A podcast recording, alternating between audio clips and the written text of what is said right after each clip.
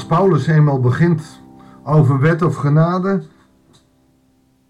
dan gaat hij los. En als je Paulus door de brieven heen over de wet hoort, zijn er nogal wat mensen die zeggen: zie je wel, de wet is overbodig geworden. Toch moet je uitkijken dat je dat niet er helemaal in ziet. Ik denk dat Paulus de wet wel wil laten staan, alleen die niet kan loszien van de genade die in Jezus Christus is gekomen, waar we deze week al eerder over gesproken hebben. Ik wil de wet niet weggooien. God heeft nooit bedoeld om de Torah aan de kant te schuiven als een nikszeggend iets. En dat alleen de genade geldt. Christus is de vervulling, niet de afwerking, niet de vervanging, maar het volmaken van de wet. De wet alleen leidt tot de dood. De wet plus Christus leidt tot leven. Maar we gaan maar gewoon ontdekken wat Paulus erover zegt. Goeiedag, hartelijk welkom bij een nieuwe uitzending van het Bijbels Dagboek. We lezen in Romeinen 3, vers 9 tot en met 20. Wat betekent dit alles? Zijn wij nu in het voordeel, vervolgd eh, op, op eh, gisteren, maar het wordt zo duidelijk, in het geheel niet.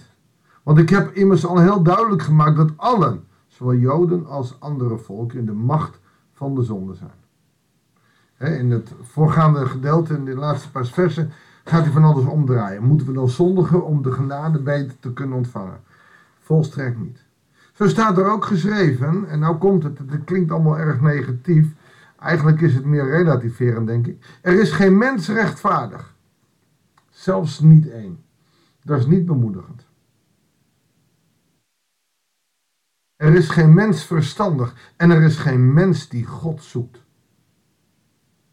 Alles zijn afgedwaald, allen ontaard. Er is geen mens die het goede doet, zelfs niet één. Dat gaat over jou. En over mij.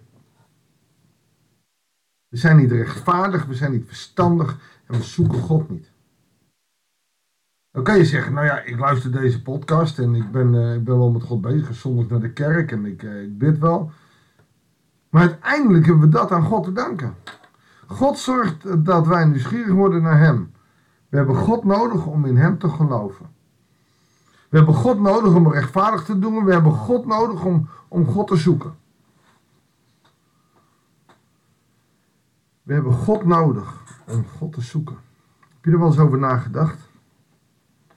Als God zijn best niet doet, zouden wij niet geloven. Het is God die aan alle het begin staat, maar ook aan alle eind.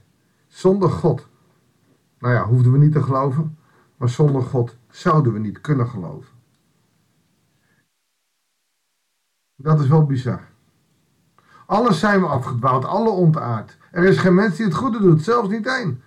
Onze keel, ik ga het nou even persoonlijk maken, is een open graf. En onze tong is bedriegelijk.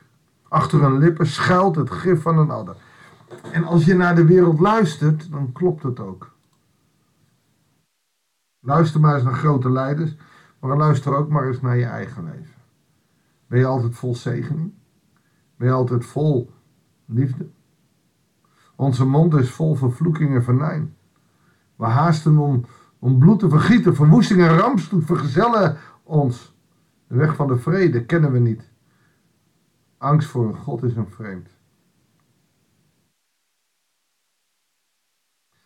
Het is heel makkelijk om dit naar anderen toe te lezen. Maar ik weet niet hoe jouw familie is of hoe jouw vriendenkring is of mensen die aan je toegewezen zijn. Soms kan je, kan je zo boos worden dat je niet meer zegenen kan. En dat is dan eigenlijk al meteen vervloeken. En bloed te vergieten is soms niet letterlijk, maar het bloed wordt onder je nagels weggehaald. En we gaan mensen negeren. Dat is feitelijk bloedvergieten. Doodzwijgen. En zo geldt dit ook voor ons. De weg van de vrede kennen we niet. Als we God niet hadden gehad, liepen we niet op de weg van de vrede. Alleen als je God hebt, als je Jezus kent, dat kind in de graf. Ja, het kind in de kribbe, maar ook het kind in de graf. Als we die niet hadden, dan was er geen vrede, dan was er geen shalom. En hoe komt dat? Paulus heeft daar een uitleg voor. We weten dat de wet in alles wat hij zegt spreekt tot degene die onder de wet staan.